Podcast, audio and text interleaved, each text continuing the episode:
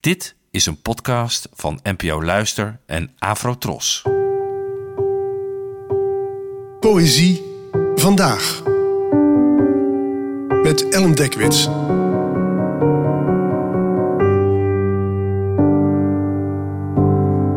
Hallo, fijn dat je luistert.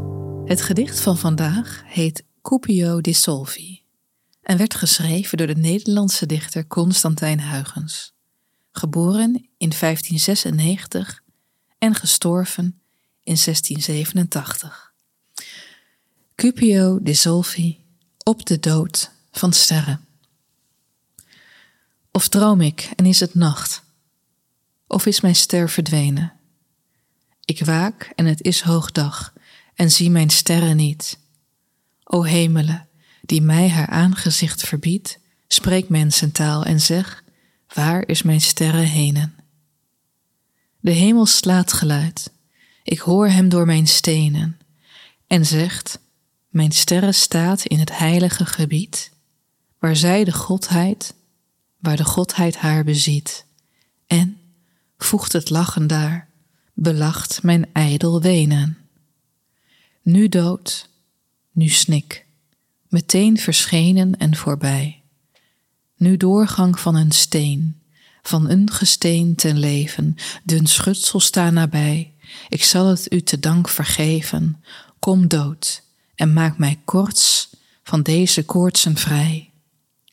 Ik verlang in het eeuwig licht tezamen te zien zweven mijn heil, mijn lief, mijn lijf, mijn God, mijn ster en mij.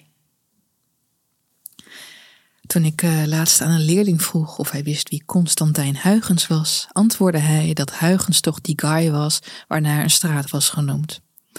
En toen ik hiervan was bijgekomen, laste ik een speciale Huygensles in en het gedicht van hem dat zij toen het mooiste vonden, wil ik u vandaag niet onthouden.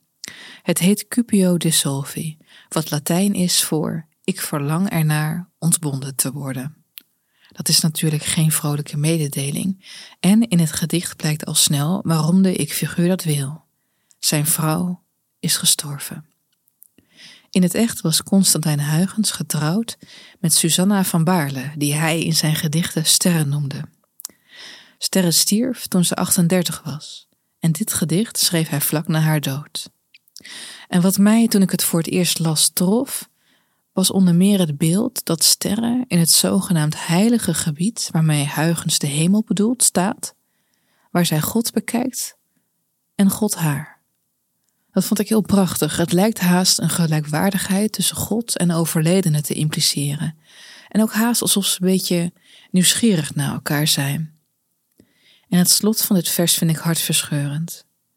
Ik ken mensen die hun levenspartner verloren en daarmee ook tijdelijk de wil tot leven kwijt waren. Een kennis van mij, wiens vrouw enkele jaren terug stierf, zei dat je bij het verlies van je geliefde zowel met rouw als met liefdesverdriet te kampen krijgt. En daarvan is dit gedicht van Constantijn Huygens een krachtige getuigenis, die eeuwen later, wat mij betreft, zijn werking nog steeds niet verloren heeft. Bedankt voor het luisteren en tot de volgende keer. Afro Tros, de omroep voor ons.